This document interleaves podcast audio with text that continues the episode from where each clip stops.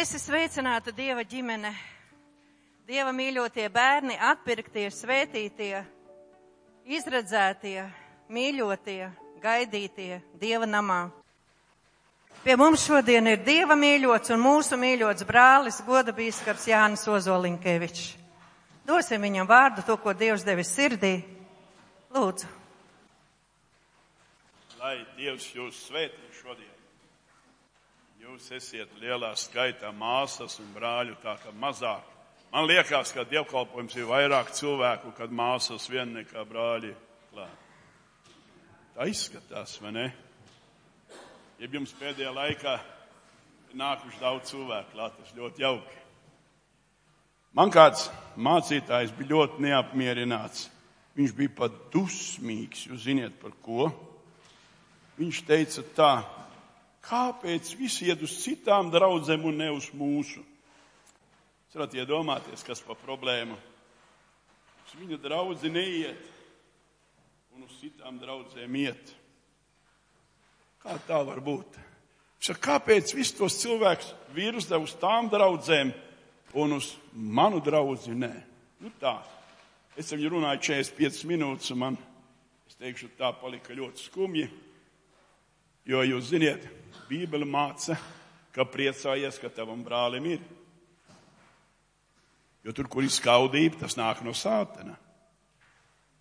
Tā nāk no sātena. Priecājies, ka tavam brālim ir. Jā, tu nepriecājies par to, ka tavam brālim ir, bet ka tu meklē dažādas iemeslus, kāpēc viņam vajadzētu nebūt. Tas ir ļoti slikti. Pasaulē viss ir uztaisīts tā. Vēlns ir iedlīts iekšā cilvēkos lielai daļai skaudību, ne visiem, un viņš cenšas pateikt, ka nav jau viss tā, kā nu būtu un kā vajadzētu. Un lūk, gribu jums mazliet parunāt, pastāstīt īsumā. Ir pagājis mēnesis, un jūs, jūs, cik no jums bija evanģelizācijas dievkalpojumos? Var pacelt rokas. Nu, paldies, jūs bijāt tie, kuri nebijāt, man ir ļoti žēl jūs sevi apzagāt. Es cenšos vienmēr kaut ko baudīt, kur es varu būt, un es esmu ļoti pateicīgs Dievam, kad šie dievkalpojumi bija. Jūs varbūt sakat, ko es apzagu, kāda aizgāja, tāda atnāca. Jā, vēl sliktāk var aiziet, vēl sliktāks no tāda dievkalpojuma nekā atnāca. Ziniet, kad? Tad, kad tu meklē kā tautā saka, kašķi meklē, kas tur nebija labs. Tad tev ir sliktāk. Tad, kad tu meklē to, kas ir labs, un tu baudi Dieva svētību, vienmēr ir labi. Bet, kad tu to nedari, nu, tad, nu, tad tev ir grūti. Tu vienmēr meklē iemeslu, ies, kāpēc. Nu, nebija tā, ka vajag, man vajadzēja tā. Es vienmēr atceros, daudz gadus atpakaļ pirmoreiz mūžā vadīju lielā dievkalpojumā eh, Ziemassvētku vakaru. Un um, es biju atvērs Lūkas evaņģēlī, mūsu tēvs, un lasīju no Lūkas evaņģēlī. Lūkas evaņģēlī viens teikums pietrūkst. Un es nolasīju to, un viens man paziņā bija sašutis. Kāpēc tu to pēdējo teikumu neizlasīji? Es teicu, izlasu, vai tur tāds ir. Jūs saprotiet? Te ir tā problēma, ka dažreiz mums tā ir. Nu, viss pēc kārtas, gribu jums teikt tā, ka tas bija ļoti liels ticības pārbaudījums cilvēkiem, kas šo organizēja. Var jums pateikt, ka apmēram divas dienas pirms dievkalpojuma sākuma trūka neliela summa - 35 tūkstoši. Divas dienas pirms dievkalpojuma sākuma. Paldies Dievam! Ātrāk nevarēja sākties, kamēr nav samaksāts par ēku. E, dienu pirms pēdējās dienas atnāca summa, pa kuru jau pārskaitīt par ēku samaksāt. Lai ēka ir samaksāta skaļums un tas pārējās gaismas, elektrība un ūdens skaitītāji tie visi nāk vēl. Un lūk, gribu jums pateikt, ja es runāju par to, ka mums jāsvētī, gribu jums pastāstīt, kādi ir cilvēki. Pagājušā gadā dievkalpojums noslēdzās, vairāk nebija. Un tomēr katru mēnesi kāds jauns cilvēks ieskaitīja šajā evanģelizācijas kontā 5 eiro katru mēnesi. Otrs skaitīja desmit katru mēnesi. Savādākās, vai ne? Un tad, kad vienu mēnesi viņam kaut kā neiznāca ieskaitīt to piecīt, viņš zvanīja modri manam dēlam, jeb dzīvības avotu maztēm, teica, piedod, brāli, eh, es nākamā mēnesī centīšos ieskaitīt šo parādu. Stāvat iedomāties. Citi uztraucās. Viens teica tā, ka tāda nauda, es ar par to varēju sludināt. Es te, es teicu tā paklau. Domā, kā priekš tevis kāds ziedotu? Nē. Cilvēkiem dažādas domas. Es teikšu atklāti. Es esmu mēģinājis cilvēkiem teikt, sacīt par dažādiem ziedošanas, dažādām vajadzībām, lai ziedot cilvēki neziedo. Kad jautājums skar evanģelizāciju šo te piecus gadus pēc kārtas cilvēki ziedo. Tikai varu piebilst, ka viss ir pilnīgi nomaksāts, parādu nav nekādu. Jā, parādu nav nekādu. Tas ļoti jauki. Cik tur pārpalika, es nezinu, bet cik es zinu, tā dievkalpumi bija beigušies un pirmdienā atkal sākās. Cilvēki skaitīja līdzekļus nākošai nākošam gadam. Tie cilvēki, kuriem vajag, kuri meklē. Un jūs saprotat, ja cilvēks skaita piecīti, tas nozīmē, ka viņam tāldziņa gaužām maz, vai ne? Bet viņš skaita. Un Dievs svētī. Es vienmēr esmu sacījis, un šodien teikšu tā, māsas un brāļi. Varbūt tu saki, es nekā nevaru. Par to mēs runāsim vēlāk, es savā runā runāšu par to. Bet varu jums pasakīt, man ir liels prieks, par tiem cilvēkiem, brāļiem un māsām, kuri bija lūkšanu komandā. Kuri es zinu, jūsu draudzes bija no citām draudzēm, bija tur bija daudz cilvēku. Jūsu mācītājs Jānis Tadovs vadīja šo lūkšanu komandu. Un kas man īpaši iepriecināja, iepriecināja tas, ka tad, kad Nātans Morijs vairs nestāvēja tur galā, pēdējais un, un visi cilvēki, mēs domājam, nu tad jau tā rinda pazudīs. Nekā, visi stāvēja līdz galam, visi gribēja iziet cauri, kā es saku, šo tuneli aizlūgt Dievu. Un lūk stāsts. Kā cilvēks no baptistu draudzes, vecāki viņam ir vasarsvēta draudzē, bet viņš negrib, jo viņam nepatīk tā mēlēs runāšana un tālāk. Viņš gāja šim tunelim cauri, jo pirms tam viņš redzēja, ka viņam blakus sieviete, kura, manuprāt, kreisas acis bija akla, kļuva redzīga. Viņš stāvēja viņam blakus. Un tad viņš iestāja šajā rindā un gāja. Viņš neaizgāja līdz pusē. Kad eh, tas ir Antons Monis vēl tur tālu priekšā, šie mūsu brāļi un māsas lūdz par šo puisi, pieskarās, viņš iet. Viņš pusceļā sāka runāt mēlēs, Dievs viņu kristīja ar svēto garu, viņš nokritās un kārtībnieki viņu izvāc no rindas. Viss tas, kas viņam likās neīsti pareizs. Viņi izvāc no rindas, Dievs viņu kristīja ar svēto garu, ar līdziešanu zīmēm valodā. Ir kādi citi cilvēki, kuri dabū iziet līdz rindas galam, un tad, kad pēdējais cilvēks uzlika rokas, Nātans Moris jau vairs nebija, viņi saņēma svētā kristību.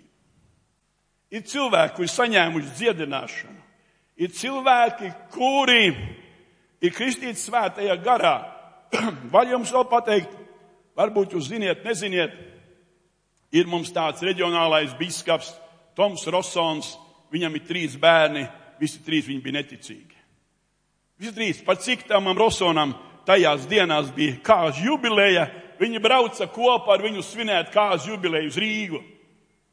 Atbraucot uz Rīgu, paldies Dievam, viņi nāca uz dievkalpojumiem. Vienā reizē viņi visi trīs iznāca priekšā. Viņi nodeva savus sirdis Kristum. Vai tas nav brīnišķīgi, ko es varētu, es, mēs nezinām visu to, kas notiek, jo parasti jau cilvēki neko nestāsta. Viņi saka, paldies Dievam ir un, un labāk nerunāt, ka nepazaudē. Es teikšu tieši otrādi. Jā, tu baidies pazaudēt un tu nerunā, tu tiešām vari pazaudēt. apliecini to, ko Dievs pie tevis ir darījis. Es esmu pateicīgs Dievam par jauniešiem no Jālgavas draudzes, kuri no pirmā dievkalpojuma aizdegās un deg līdz šim laikam. Viņi brauc pa draudzēm, staigā pa ciemiem, evanģelizē un ir panākumi. Ļoti interesants moments. Viņi brauc mājās no Rīgas, brauc mājās no Rīgas pie nu, tā brīvības pieminieka. Viņi tur grozījās vairākas vakars, dalīt traktāts un runājot cilvēkiem. Brauc mājās un ir kāds sieviete mikroautobusā, manuprāt, kura dzirdēt negrib. Kad jauniet varētu teikt tā, dzirdēt negrib par Dievu. Un beigās viņam izdodas tomēr iešķiept to uzaicinājumu. Nu, ņem, nu, paņem. Nu, paņem. Un jūs varat iedomāties, kāds ir prieks jauniešiem, kad viņi redz, ka trīs nedēļas atpakaļ uzrunātā šī sieviete, viņa iziet priekšā raud. Pēc tam paceļ rokas un slavē Dievu.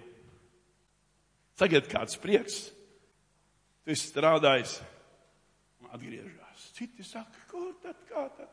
Man jautājums, sakiet lūdzu, cik mācekļu bija Kristum? Nav tiesa. 12, vēl 70. Un visi tie 70 aizgāja. Palika 12. Daži cilvēki grib, lai mēs būtu labāki par Kristu. Ļoti daudz cilvēku ir baudījuši Dievu svētību. Kāda sieviete, kura, nu, vai, labi stāstīšu par nākošais, atcerēšos to. Kāds vīrietis, par kuru tika teikts, ka šeit ir kāds biznesmenis, kurš teica, ka nav vērts dzīvot, viņš ir izputējis. Šo cilvēku bija uzaicinājis uz šo dievkalpojumu kādi cilvēki no draudzes dzīvības avots, samaksājuši viņam ceļu no Vācijas, turp un atpakaļ viņš atbrauca. Un viņš teica, pirmā vakarā tur nodarbojas ar hipnozi, tur nēju. Un viņš bija sarunājis randiņu ar kādu savu vecu brūti, kā saka. Un tā viņam atteica, un viņš atnāca uz dievkalpojumu. Viņš atnāca uz dievkalpojumu, kad viņš atnāca uz dievkalpojumu. Eh, Natans Moris teica, šeit ir kāds cilvēks, kam ir bankrotējis biznesmenis, un viņš teica, ka nav vērts dzīvot. Nu, apmēram es tā precīzi nepateikšu vārds vārdā. Šis vīrs bija mēģinājis vairākas reizes iziet uz priekšu, bet cilvēki jau bija sastājušies priekšā, viņš netika, viņš nelauzās. Viņš palika tur. Es, es sestdienas vakarā, ne, piekdienas vakarā skatījos un redzēju šo cilvēku, ziniet kā, jo, nu jau mēs viņu pazīstam. Kā tas, viņš palika savā vietā, mierīgi stāvot. Tie cilvēki, kuri viņi bija uzaicinājuši, teica tā, viņš tev nemaz no roka pieskārieniem tu nekritīs, viņš tev uzpūtīs un tu nogāzīsies. Un lūk, es ieslēdzu YouTube, tas ir internetā, dievkalpoju, manuprāt, otro Un Natans Moris piet viņam klāt, uzliek rokas un lūdz Dievu. Viņš stāv, viņš nekrīt. Pēc tam viņš pagriežās, pagriežas atpakaļ, uzpūš, un tas vīrs nokrīt, ka nopļauts.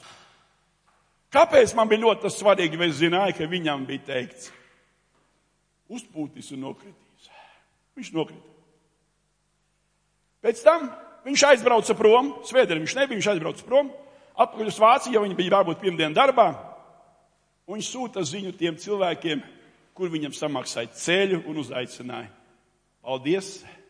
Mana dzīve viss ir mainījies, mana dzīve viss ir savādāk, un es esmu laimīgs cilvēks. Es parasti saku tā, ja viss tā lielā dievkalpojumā viens atgrieztos, es būtu laimīgs. Es būtu laimīgs, un es esmu laimīgs. Es nespēju visu atcerēties, visu izstāstīt, bet es zinu to, ka Dievs ir labs, ka Dievs daudz ir glābs, daudziem ir piedievis grēks. Jā, kāda sieviete, kura bija uzaicināta, viņu bija uzaicinājis mūsu pasaules slavenais hokejists Artūrs Irbe. Ziniet, ka viņš ir pentekosts, ne? Ziniet, ai, ai, ai, ai. Jā, viņš ir. Viņš apmēram pāris mēnešus atpakaļ slēdz derību ar Dievu ūdens kristībā. Viņš, ir, viņš atgriezās Amerikas Savienotās valstīs, varu tik pateikt to, viņš atgriezās tur, jo viņam bija liels problēmas, fizisks, garīgas. Un Amerikā nav tā kā pie mums, ka ir burvji un ekstrasensi komandās. Amerikā ir kapelāni komandās. Viņam bija kāds pentikostu kapelāns šajā hokeja komandā, kas viņš sāk darboties, un jau septiņus gadus viņš tic un lūdz Dievu, bet kristīties viņš tur nebija kristīties. Redziet, viņš uzaicināja sev kādu draugu līdzi. Draugs atnāca ar savu māsu, un māsa skatījās un smējās pa visu lietu. Un tad Nātans Moris viņu paņēma izsauc ārā, kārtībnieki neprasa, vai tu gribi, negribi. Ja Nātans saka to, tad viņu rauj ārā un nostāda priekšā. Viņa lūdz Dievu, šo sievieti viņa nokrita ar zemi un guļ. Piecēlās, viņa bija man aiz muguras, ziniet, no tās sievietes, kur tā skatījās ar tādu smīnu uz visām lietām, viņa pēkšņi bija pārvērtusies. Viņa paceltām rokām slavēja Dievu, sauca Aleluja, un tālāk viņa joprojām Cilvēks, kurš teica, esmu katolis, man neko nevajag. Es teicu kādiem cilvēkiem, nu pat nesen, es teicu, mācītājiem teicu, jūs esat ļoti nelaimīgi cilvēki. Ziniet, kāpēc? Tāpēc, ka jūs sēžat ar muguru pēc zāli.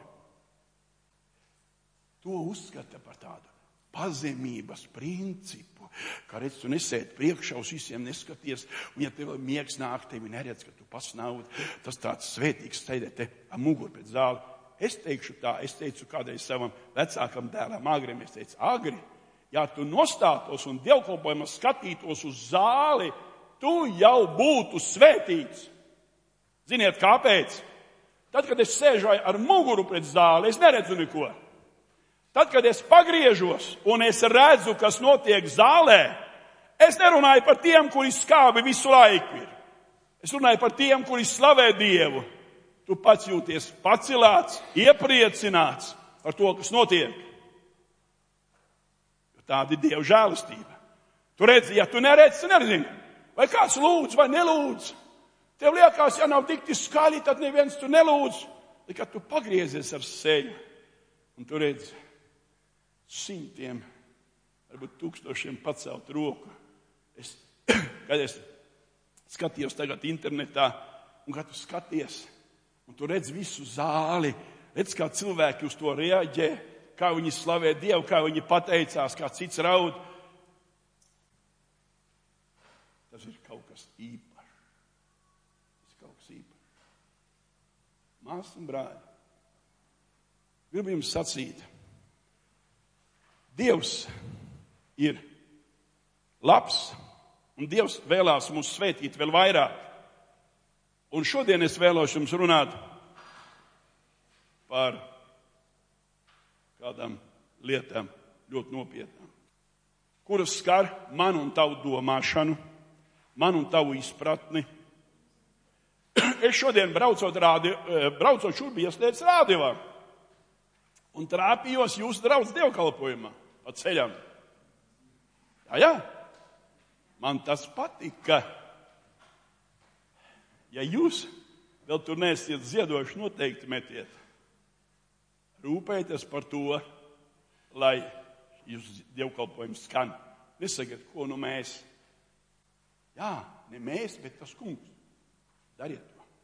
Un lūk, šodien apustīt Pāvila otrā vēstuli Timotejam Un tas ir uzrakstīts otrā nodaļā, sākot ar 20. pantu. Šeit ir rakstīts tā. Lielenamā ir ne tik vien zelta un sudraba trauka, bet arī koka un māla, un citi godam un citi negodam. Ja nu kāds nošķīsas no tādām lietām, no tādām lietām tad viņš būs trauks godam, svēts, derīgs tam kungam, sataisīts ik katram labam darbam. Vēl varētu lasīt no efesiešiem. Šeit ir rakstīts arī ļoti skaisti vārdi, brīnišķīgi vārdi, kur rakstīts tā. Viņš ir devis citus, tas ir efesiešiem 4. nodaļā, 11. pāns, viņš devis citus par apusturiem, citus par praviešiem, citus par evaņģēlistiem, citus par ganiem un mācītājiem, lai svētos sagatavotu kalpošanas darbām, Kristus miesai par stiprinājumu. Jauki. Un tad vēl ir rakstu vieta, kura ir rakstīta pirmā vēstulē korintiešiem, un tā ir rakstīta 12. nodaļā, 7. pants, pirmā vēstulē bet ik vienam ir dota gara izpausme, lai nestu svētību. Viss raksturvietas esmu nosaucis, varbūt vēl kādu pieminēšu. Redziet, pirmais iesākums ir ar to, kad tas trauks, kurš ir svētī, kurš ir tīrs, ir derīgs valdniekam jebkuram labam darbam. Jūs jau kā saimnieks, sievietes, zinat, ja jūs liekat traukā, kur ir bijis kaut kas tāds sarūdzis un labi neizmazgājat, nāk klāt piegarša. Piegarša nāk klāt, un jūs sakat, vai dieniņ, vai sabojāja visu ēdienu. Nu, ja tā ir laba garša, tā nekas, bet ja slikta, tad ir slikti. Es zinu to, ko nozīmē vārds šķīstīt. Savā laikā es dzīvoju laukos, mums bija divas gotiņas, ja pusotra gods, kā senos laikos teica. Jo divas nevarēja būt kolhozniekam, varēja būt viens un jaulops, saucas to sauc pusotra gods. Un lūk, ir piens. Pienu nevar liet traukā, kur jau iepriekšējais ir bijis, jo viņš var saskāpt vasarā. Un ko tad dara? Tad šo trauku šķīsta. Viņu paņem, ielie vārošu ūdeni, aiztais ciet, izkrata, izkarsē, izlēja un var droši liet. Viss ir kārtībā. Trauks ir tīrs, tur nekā nav palicis. Kad mēs lasām Jāņa evaņģelijā, pirmā nodaļā man, ne, atvainojiet, Jāņa vēstulē rakstīts tā. Pirmā nodaļā, pirmā vēstulē. Ka Jēzus Kristus asins mūs šķīsta no visiem grēkiem. Jēzus Kristus asins mūs šķīsta no visiem grēkiem. Un lūk, šeit ir runa par to, par traukiem, kas nošķīstās. Mūsu laikos cilvēki ir pieraduši dzīvot kā grib. Redziet, lielā namā ir daudz trauku. Un šeit nav rakstīts, ka tas trauks, kas ir no zelta, ka tas ir labs. Šeit ir rakstīts, ka tas trauks, kas ir tīrs, tas ir derīgs jebkuram labam darbam. Pirmkārt, traukam ir jābūt tīram. Mēs esam kā trauki dieva namā. Mēs esam kā rīki dieva tīrumā. Un šeit ir rakstīts tādi savādi vārdi. Viņš ir derīgs saimniekam, jeb valdniekam, jeb kuram labam darbam. Lūk, mūsu laikos tas tā ir ienācis un iesācies, kad, un tā ir kļūda, kad draudzēs uzskata, ka mācītājs ir ļoti, viņam jābūt pilnīgam, viņam jābūt visam dāvanām. Kas tas pa mācītāju? Dieva lūdzu, un es neatgriezos. Kas tas pa mācītāju? Bībelē rakstīts, evaņģēlists. Esat dzirdējuši tādu vārdu? Evaņģēlists. Es lasīju efesiešiem, cits devis par apustuļiem ganiem mācītājiem, evaņģēlistiem. Draudzē šodien cieš daža, vienu no šī iemeslu dēļ, draudzēs pietrūk šo kalpotāju. Jo draudzes saka, es jau nekas, man jau nekā nav, jeb citiem vārdiem draudzes saka, es jau tik tāds koka trauciņš esmu, cilvēki saka, mani jau Dievs nelietos. Bībele saka, kaut esi koka trauks, ieplīsis trauks, bet tu esi tīrs, Dievs var tevi lietot. Mēs parasti stādām standartus, kā tad Dievam vajadzētu mani lietot.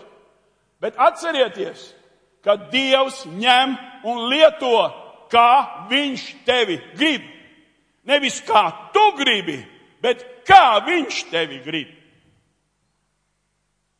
Bībeli saka, Vajag dzīties pēc lietām, pēc garīgām dāvanām. Jā, vajag lūgt, vajag prasīt.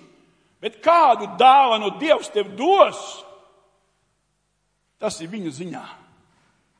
Mans un tavs uzdevums ir viens, lai mūsu trauks ir tīrs, lai tur nav nekādu piemaisījumu, lai mūsu trauks ir tīrs, lai tur nav nekādu piemaisījumu.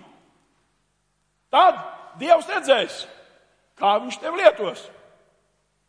Es tā, daži cilvēki tas izteicās, priekš kam vajag un tā. Var jums pateikt, sakiet, priekš kam vajadzēja, ja jūs esat lasījuši Bībeli, apustulim Pēterim un Jānim iet uz Samāriju. Tur taču bija Filips. Filips tur bija, caur kuru notika zīmes un brīnumi.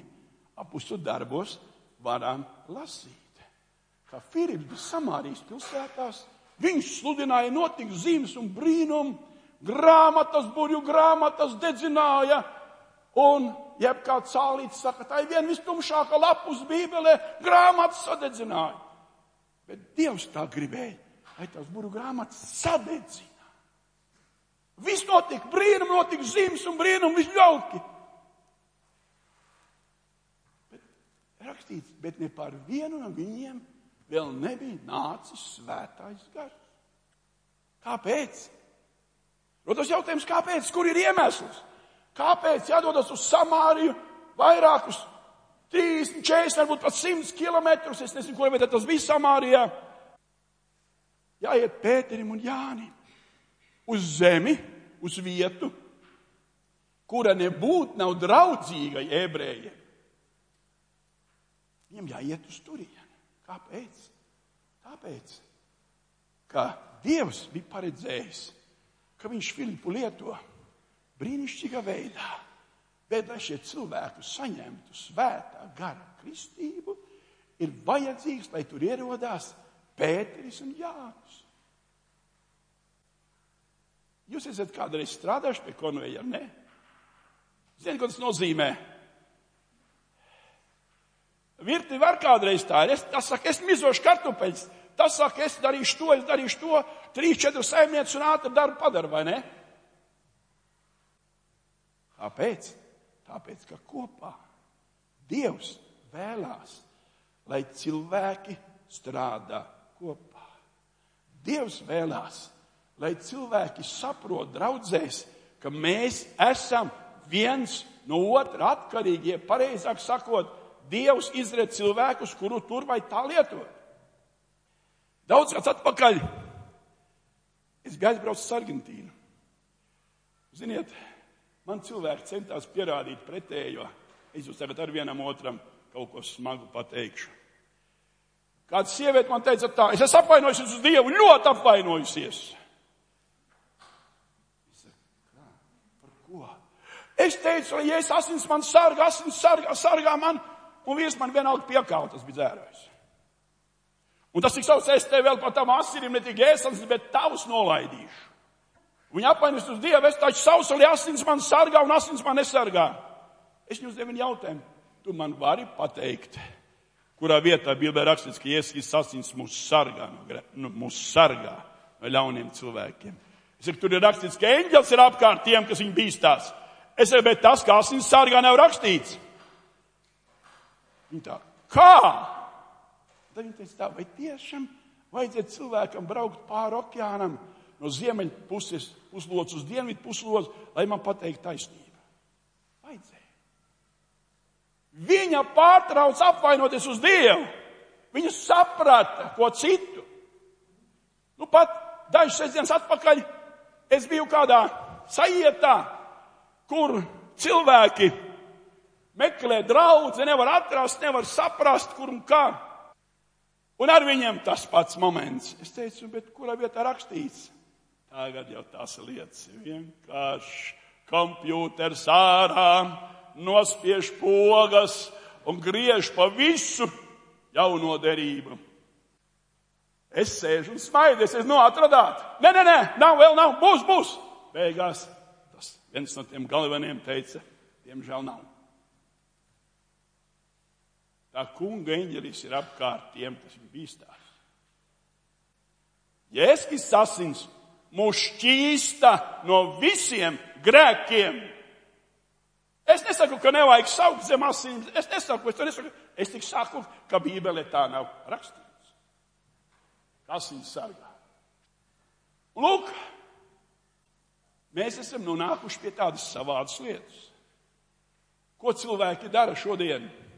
Viņi meklē, uzskata, ka um, mēs jau paši varam visam uz vietas.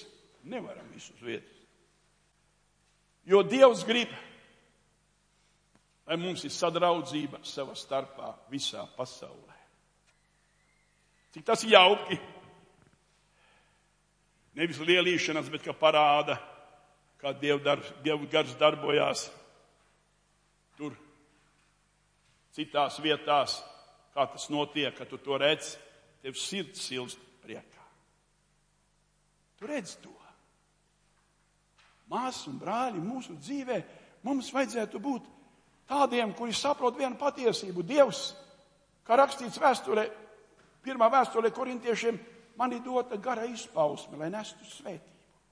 Un es vēlos nest. Tie nedaudz jaunieši, kur staigāja pa Rīgu pirms šiem dievkalpojumiem, jau mēnesi iepriekš, tie nedaudz jaunieši, kuri devās uz Bausku, tie jaunieši, kuri devās citām vietām un kuri pēc nedēļas būs cendē. Viņi tērē savu laiku, savus līdzekļus, lai nestu vēsti par Kristu. Lai nestu vēsti par Kristu. Iedomājieties, ka tas puisis, kas saņēma svētā kristību, viņš bija kontaktā ar mūsu jaunatni labu laiku un visu laiku oponēja. Stāv un tas tā un tas tā, jūs zināt, tā ir iemācīts. Un tad, kad viņš atnāca un kad Dievs viņu kristījā svēto garu, vairs nav ko teikt. Dievs pats pārliecina. Gribu jums sacīt, liecināt cilvēkiem par Kristu vajag vienmēr. Vajag vienmēr. Pat tad, kad jums ir pilnīga pārliecība, ka tas ir bezjēdzīgi, neviens jau jūs neklausīs. Pat tad vajag liecināt par Kristu. Vēlnam ir izdevies iestāstīt, kā tu neesi pietiekoši labs, tu, ne, tu slikti māci runāt un tālāk un tā joprojām. Nē, atceries, ka tu Dievu lūdzu. Ko es tev gribētu teikt? Pirms tu ej runāt ar cilvēkiem, un tur var uz brītiņu tā klusi teikt, Dievs, šķīsti man, šķīsti man mutes valodu un dod, ko viņam teikt. Tu taču vari sagatavoties, ne? Tu taču vari sagatavoties. Un tad, ej, un tad saki cilvēkam par Kristu, un tu redzēsi, ka būs augļi tavā dzīvē. Cilvēki nāks pie Kristus. Cilvēki nāks. Es pazinu, es, es pazinis nevienu cilvēku, kurš ir gājis, runājis, stāstījis. Ziniet, es tikai stāstīju par mani pašu. Es kā mācītājs sludinu draudzē, es jau nezinu, kas ienāk iekšā, tur ir kā 200 cilvēku, un kas ienāca apsēdās, nu tur viņš ir. Ļoti sevišķi, ja beigās. Un pēc desmit gadiem es sastapos ar vīru. Es sastapos ar vīru, precīzāk sakot, kurš teica tā, desmit gadus atpakaļ es iegāju tavā baznīcā, dzirdēju, kā tu bļausties. Bet tā tava bļaustīšanās man nedeva mieru, un viņš kļuva kristietis. Pēc desmit gadiem tā sēkla bija iesēta, un tā sēkla turpināja dīgt un augt, un Dieva gars to slacīja. Tu esi trauks, varbūt pats visvārgākais, vissliktākais tu sevi uzskati, bet tu neklausi sātanam. Ķēniņš Dāvids Kāda no savām dziesmām saka tā, ar to kungu es pārvaru vaļņus, es pārvaru mūrus ar to kungu. Apustulis Pāvils saka, es visu spēju tā spēkā, kas mani stipru dara. Viņam ir tāds jocīgs teiciens, kad es esmu nespēcīgs, es esmu spēcīgs. Kāds notiek? Tad, kad es saku, Dievs, no manis nekā nav, Bet, ja tu paņem mani, tad ir, tad ir viss. Tad ir viss. Kungs ņem un lieto mani. Tā nav augstprātība, tā nav iedomība, bet tā ir apziņa, kā tas kungs mani visnevērtāko var pārveidot un darīt sev derīgu. Viņš to var darīt. Viņš to vēlās darīt. Mēs dzīvojam ļoti nopietnā laikā. Ļaunums iet vairumā. Cilvēki aizraujās ar problēmām. Un var jums teikt, Dieva žēlastība nav mazinājusies, viņa ir tāda paša. Viņa ir tāda pati. Lūdziet Dievu par to, lai nākošā pavasarī, ja vasaras sākumā, varētu notikt šis lielais nu, evanģizācijas dievkalpojums. Jūs vēl pat neziniet. Arēna Rīga. Ziniet, ko? Arēna Rīga ar vairākiem evaņģēlistiem. Daniels Kolenda, Nātans Moris un, man liekas, Veins, vai kā, un iespējams arī Enhards Bonke. Viņiem vajadzēja šodien rīt viņi pieņems lēmumu, viņi, vai tas būs vai nebūs. Jā, viņi brauks pavasarī, tad uh, Mosties Latvija dievkalpojums nebūs. Nākamgad atsevišķi. Ja viņi nebrauks, tad nākamgad Mosties Latvija evanģelizācijas dievkalpojums būs rudenī. Bet mēs varam strādāt. Tas nenozīmē, mums jāgaida, ka kāds te kaut ko izdarīs. Es kādreiz biju šausmās un smējos, es biju Dienvidu Korejā. Es iekāpam autobusā, izbraucamais Seulas robežu, mums vēl bija kā 40 km līdz nakts mājām, un pēkšņi atskanēja tāds blīkšķis, nesevišķi liels, un šofers teica, riepa izsprāga. Pēc tam, nu kāda problēma, dankrats, un mēs piepalīdzēsim. Šofers sēž baltcimti un saka, mums tiek pusotru stundas jāpagaida līdz atbrauks un samainīt.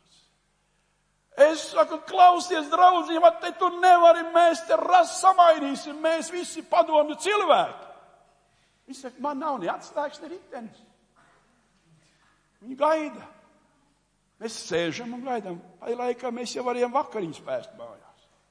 40 km, nu, kas pusotras stundas ieradās, atcēla uz augšu riteni, viņš dziņš, dziņš, gatavs. Paldies, paspiešu rokas un aizbrauc. Mums nav tā jāgaida, kad ieradīsies riteņu skrūvētāji. Mums ļoti vienkārši. Mums jāiet un jāstrādā. Vai te jūs esat aizmirsuši tukumu? Jūs gājat un strādājat, vai ne? Tagad gandrīz vai patstāvīga draudzene. Bet gājāt un strādājat, un tas kāds varbūt pukājis un teica, tā, tā nekas nebūs, nav jēgas, nav ko darīt, mums jau nekas te neiznāks. Neiznāca, iznāca un kā vēl? Problēma ir tā, ka tavs trauks ir šķīsts, es teikšu pat, viņš ir šķīsts, bet tu saki, man tāds švaks viņš ir, es tāds koka trauks, lai liekas ieplīsis esmu. Dievam nav svarīgi, no kāda materiāla tu esi gatavots. Dievam ir svarīgi tas, pirmkārt, Tu esi šķīsts un tu paklausi viņam. Paklausi viņam. Paklausi tam kungam. Nu pat pagājušā, aizpagājušās, kad mums bija lūkšana dievkalpojums. Jā, 25. tas ir pagājušo sestdienu, lūkšana dievkalpojums. Un eh, es tā eju un stāv viens sievietu liepājas. Un Dievs man saka, pasaki tam mācītājam, lai viņš aiziet aizlūdz par viņu. Es jau varētu pats aiziet, vai ne? Vai es nemāku lūgt, vai es nevaru roku pacelt, viņai uzlikt uz galvas. Varu. Bet Dievs saka, pasaki viņam, lai viņš aiziet. Es viņam pieeju klāt, paraustu viņš lūdz Dievu, viņš skatās, ko tu gribi. Es teicu, pieeja aizlūdz par to sievieti Dievu. Ko, kāpēc? Es, es nezinu, bet ej lūdzu. Viņš aizgāja, es paklausīju Dievu, viņš paklausīja man, aizgāja, uzliek rokas, un es redzu, ka viņi abi nesaprot, kas te notiek. Es esmu līdz Šis brālis lūdz Dievu, un pēkšņi viņam nāk atklāsme par šo sievieti. Viņš saka, tev ir tā, tā, tā un tā. Bet Dievs saka tā. Es to visu nezināju. Es tikai redzēju, ka viņš kādu laiku lūdz Dievu, viņa apsēdās, viņš aizgāja atpakaļ. Ja mums beidzās, šī kundzīt man klāta. Spiež man roku krata, līdz elkonim, ka es smējos. Paldies, biskapa kungs, paldies, biskapa kungs, paldies, ka jūs atsūtījāt. Tas kungs jums deva atklāsmi par manām problēmām, un kungs sacīja, kā tas beigsies. Es neko īpaši neizdarīju, es paraustīju to, es piedomāju, es vecīt aizēju, aizlūdzu par to Dievu. Šķīst draugs un paklausīgs. Vai tu esi gatavs paklausīt? Vai tu esi gatavs teikt, Dievs, te es esmu, lieto mani, lieto mani. Varbūt ir mums tāds problēmas, ziniet, ir tā trauki, kuri sevi uzskata, ka viņi no zelta. Viņi ir no zelta. Es ar vienu tādu zelta trauku runāju apmēram 45 minūtes. Dievs žēlīgs. Kāda problēma? Viņš nav ticis vērā ņemts. Viņš, un es. Un viņi, nu, atsakot, nu, atsakot, viss, es, man, jā, un, un, un, un.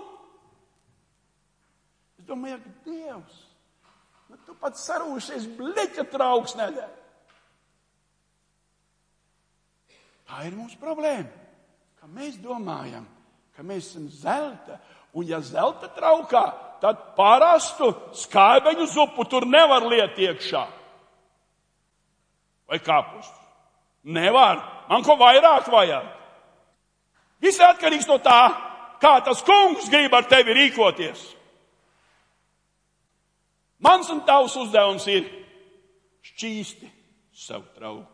Ja tas ir šķīsts, tas kungs nāks, viņš tev no sākuma nu, pavisam mazu darbiņu varbūt uzticēs, pavisam neliela, jo tev ir dota gara izpausme no viņa, lai tu nestu svētību. Dievs tev ir devis gara izpausmi, lai tu nestu svētību. Ja tu to nedari, Tu esi nepaklausīgs, tiepša. Tu esi nepaklausīgs, tiepša. Tu esi nejēga. Un tu nezini, kā Dievs rīkojas ar tevi, ne tu ar Dievu. Vērojot to, ka šodien notiek kristīgā pasaulē, runāšu godīgi. Man kā cilvēks centās stāstīt, kas ir vasarsvētki ticīgie. Es viņam uzdevu pretjautājumu, cik gadus tu esi vasaras draudzē, viņš atbildēja. Neatbildēja praktiski. Es teicu, es esmu 49 gadus, ja 50. Rudenī būs 50 gadu. Es teicu, kā tu domā? Es zinu vairāk par vasaras svētku kustību nekā tu. Viņam vairs nebija atbildes. Māsas un brāļi, mēs dažreiz satraucamies Mēs dažreiz baidamies. Es arī reizēm baidos. Man ļoti patīk, ka mācītājs Agris, es tagad teikšu, nu, mans dēls mācītājs Agris, ka viņš saka, tad, kad man nāk atklāsme par kādu cilvēku, es esmu ļoti nobijies un baidos, vai tas ir īsti. Bet tai pašā laikā es saprotu, ka man ir jāpaklausa tā ir cīņa, tā ir pārbaude, vai tas ir no tā kunga, un ja tas ir no tā kunga, tad es tā Dievs nebūs dusmīgs, ja, ja tu viņu pārbaudīsi. Dažs cilvēks saka, oi, jāpārbauda, vai šim cilvēkam vajag teikt par Kristu vai nē. Es šodien lasīju uzstāvi laikā un nelaikā. Laikā un nelaikā ej cilvēkam klāt un runājies ar viņu, parunājies ar viņu, pastāsti viņam par Kristu. Ja kāds saka, ka tā runāšana un tā traktāta došana neko nelīdz, netici viņam. Tu viņam pasaki, nu, daži jau apvainojās, tā ir viņa problēma, atkāpjas sāpēm. Visāda veidā, kā tu, kā trauks, sludini par Kristu, tas ir Dievam patīkami. Tas ir Dievam patīkami. Tikai lūdzu, Dievs, slacini, Dievs, slacini šo sēklu, lai tā nes augļus. Es tūlīt beigšu. Tas maz piemērs. Atrokot, atrokot cietokšņam masādā. Telpas atrada māla trauku ar datelēm. Nu, datelēs tas ir tādi. Un tur ir kauliņi iekšā, un viņi atrada nedaudz. Un viņi iestādīja divus kauliņus. Divus kauliņus iestādīja un gaidīja, kas uzdīgs. Viens no viņiem nesa dēstu. Viņi teica, divi tūkstoši gadu vecs kauliņš izdeva dēstu. Viņi tagad ļoti rūpējās. Viņi grib zināt, kādas tad, tad bija tās palmas. Tad. Ja vienkārši kauliņš, datelpalmas kauliņš var, var nest augļus pats pēc pārtūkstošu gadiem, tad Dieva vārds noteikti nesīs augļus. Noteikti. Es pirmo reizi mūžā braucu uz Vāciju, un es iegāju. Es nezināju, ka ir Latvijas ārlietu ministri un ka tur ir konsulārais dienests. Man teica, ka tāds ir. Viņš bija vecrīgā. Un es iegāju tur iekšā, iestājos rindā, un es piesakos, un tā, un tur bija tāda aizmirst uzvārdu, cerīte vai ceronīte, kas sieviete bija. Viņa, viņa, aiz, viņa uzreiz aiziet tur blakus telpā. Un tur sēž nodaļas priekšnieks. Man aizvaicina uz turieni. Un es eju iekšā, un viņš uzreiz citē Dieva vārdu. Es saku, tā jūs mācītājs esiet? Nu, ja viņš tā. Viņš saka, nē, cienītais mācītāji. Viņš saka, es mācījos Rīgas Baptistu draudzes Golgāta svētdienas skolā. Es to neesmu aizmirsis. Es nezinu, šī cilvēka tālāk likteni. Es zinu, ka viņš mēģināja pievienoties vēlāk kādai harizmātiskai draudzēji. To es zinu. Ka, viņš, ka, vairs, ka vairs PSRS nebija. Tas, ko kāds viņiem bija stāstījis, viņam bija palicis atmiņā. Viņš man lūdza, vai jums kādu bībeli nav? Man, man nav, viņš saka, nu derētu. Tā bija, kad man jau tajā laikā bija.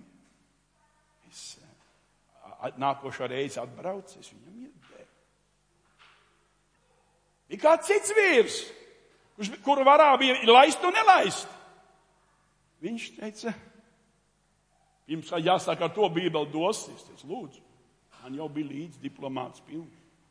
Es jau zināju, māsas un brāļi, tas, ko cilvēki dzirdējuši, viņos paliek par Kristu. Viņos paliek par Kristu. Un tu turpini lūgt, un tas nes augļus. Nebaidies un neklausi sātanam, kurš saka, ka tu nekāds labs draugs neesi, un vai tu tiešām esi tik tīrs? Aizraušos pa garu. Vēlams reiz vien mani teica, tu neesi tik tīrs, lai tu varētu to darīt.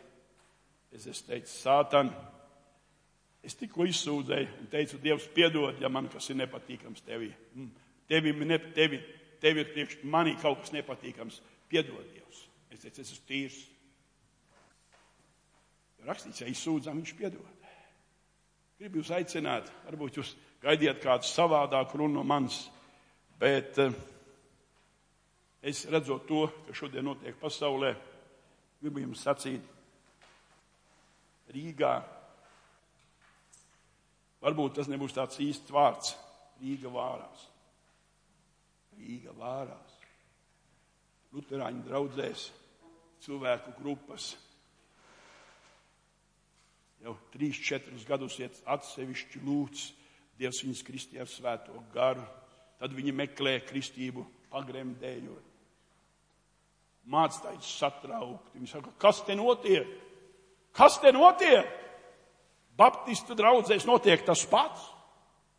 Adventistos tas pats. Pa citām man nav ziņa. Es zinu, ka notiek. Un kas to ir paveicis? Kas, ko, ko, kas tas ir? Tas ir tas, kad mēs publiski ķīpsals hallē uztaisījām dievkalpojumus, kur ir tūkstošiem cilvēku, kur tu vari pazust un tevi nepamana. Un cilvēks ierodās. Viņš saņem to, ko viņš ir baudījis, ko gribējis baudīt. Amen. Tagad nākošais. Es te skatos, un man tā iepriecina viena lieta. Jums būs svētais vakarēdienas. Un es jums runāju visu laiku tikai par to, ka jūsu bļo, bleķa blodiņai jābūt tīrai, ne? Ir tā, ja nav? Jūs jau sākāt tīrīt, ja nē? Ja jūs teicat, atliksim uz vēlāku laiku. Uz vēlāku laiku nevajag atlikt. Šodien, kad tu dzirdi viņa balsi, neapcietini savu sirdi, bet saki, Dievs, es gribu būt šķīsts, kungs, šķīsti mani. Viņš šķīsta, viņš piepilda, viņš vada, viņš svētī. Kāpēc? Mēs dzirdam, mēs redzam, ko Dievs ir darījis. Mums liekas, ka maz un nekas īpaši nav. Bet ja mēs lūgsim, ja mēs sauksim uz Dievu, ja mūsu trauki būs šķīsti, varbūt tu esi pavisam vienkāršs cilvēks, vienkāršs, nekā īpaša tevi nav. Un tomēr Dievs grib tevi lietot. Nesaki, Dievs nevar man lietot. Es esmu pavārgu. Tu apvaino Dievu. Tu apvaino Dievu. Paklau! Teikdams, ka Dievs nevar tevi lietot, tu apvaino Dievu. Problēma ir manī un tevī, ne Dievā. Es laidīšos pa šo pusi lejā. Jums te tā labi sataisīts tādas mēles garas. Man jau tas ļoti patīk, man pat repiem vairs nepatīk staigāt. Māsu brāļi. Kā ir? Tad, kad bija dievkalpojums Ķipselā vakarēdienā, man daži piekasījās, jo es teicu, baltie, melie, zilie un sarkanie. Man uzreiz piesējās, ak, tu par tiem ziliem aizstāvi? Es nē, es teicu, es teicu skaidri un gaiši. Tas, tas kas ir šķīsts, tas var baudīt. Tas var baudīt. Un es uzdošu tev jautājumu, uz ko tu atbildi pats. Vai tu esi šodien gatavs savienoties ar Kristus miesu un asinīm? Tu esi gatavs savienoties? Ja tu kārtējo reizi baudīsi maizīti un dzersi vienu malciņu sulas, nesagādā sev problēmas. Nesagādā sev problēmas. Es te vēlreiz jautāju, vai tu esi gatavs savienoties ar Kristus miesu un asinīm? Pāvils teica, vai maizi, ko laužam, vai tā nav savienošanās ar Kristus miesu? Ja Pāvils runā muļķības, vai kaut ko baudām, vai tā nav savienošanās ar Kristus asinīm? Kas var būt kopējs? Grēkam ar Kristus miesu un asinīm. Nekā kopēja nevar būt. Nekā kopēja nevar būt. Kāda sieviete, aizmirst jums to pateikt, bet tad atvainojiet man. Man vakar zvan kāds sieviete telefons. Mācītāji, grib jums parunāt. Ziniet, par ko jūs runājat, par desmito tiesu? Ak, Dievs, es klausījos, manā kundze, ko tu saki? Jā, jā, jā. Šī katolieta man sāka stāstīt par desmito tiesu. Kā jādod desmitā tiesa? Konkrēti un skaidri viņa teica, man ir 280 eiriķu pensija un 30 eiro man ir jādod tam kungam. Es klausījos, kas būs tālāk. Atstājumi, ko tu domā, tikai nauda vien? Saka, dienai 24 stundas. Tev 3 stundas jādod tam kungam. Es paliku kluss. Es pat jā vairs neteicu. Ziniet, ko katolieti saka? Trīs stundas tam kungam dienā. -hmm. Viens otrs skatās. Saka, dodiet desmit. Viņš saka, mācītāji, desmitais jādod ir ne tikai no, no, no, no, no naudiņas. Galvenais, ka viņi apaļo uz augšu, man 280, 30 jādod. Viņš saka, un tas cilvēks, kurš saka, ka viņam nav, viņš ir muļķis. Viņš man tā saka pa telefonu. Viņš saka, viņš nezina, ka Dievs viņu var svētīt. un tos, kas viņam ir, tos 240 var tā nosvētīt, ka viņam pietiek un pārpaliek. Viņa man saka stāstīt, es domāju, ka Dievs paklausies. Viņš saka, un es zvanīšu tagad Stankievičs kungam, arhibiskapam, lai viņš to saprot. Es jums, un tas man liek daudz domāt, jo bija laiks, kad es stabili desmito tiesu no laika dienā veltīju Dievam. Es par to sludināju. Desmito tiesu no laika Dievam. Jā, tā bija. To es jums par grēku neteikšu vēl. Bet es to atcerējos, un es domāju, es tā ļoti gribēju jums pateikt. Es domāju, nebūšu pateicis. Es staigāšu un bēdāšos. Dievs jūs svētī.